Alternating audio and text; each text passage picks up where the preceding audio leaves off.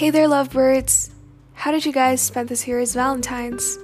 Sweet white chocolates? Or a huge bouquet of flowers? Or were you all alone in your room stuffing ice cream in your face as you binge on your favorite Netflix TV show? It was a completely enjoyable day either way. You don't always need a significant other to make yourself the happiest. However, for those of you lucky enough to spend this year's Valentine's with your better half, be grateful. To a lot of people, Valentine's is a tad bit more special than any other days because you get the chance to express the affection that you have for the people that you simply love the most. However, did you feel like this year's Valentine's was disappointing? Because you could not visit the best dining place in town due to the pandemic sweeping over the world? But hear me out. In the end, the thing you should treasure the most is the presence and nothing else.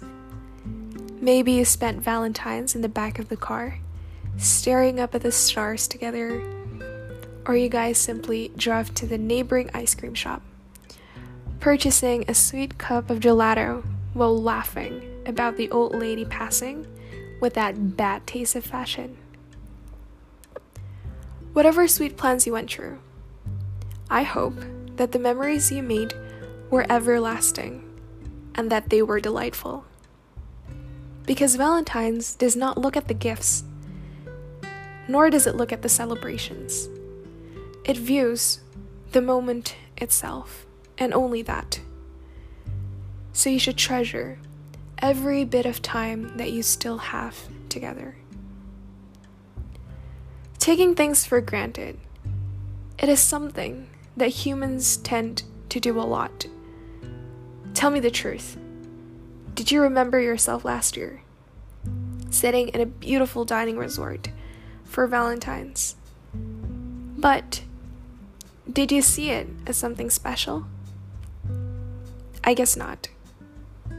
If you just look back now, it will appear as something that you would do literally anything to be able to repeat. Not only Valentine's and dates, we also miss our mood lifting hangouts with our beloved friends and families, lunches with our parents, because we share love to them also. They annoy us a lot, but they were always there for us through both our hardships and laughters. Show your love for them the moment that you still can.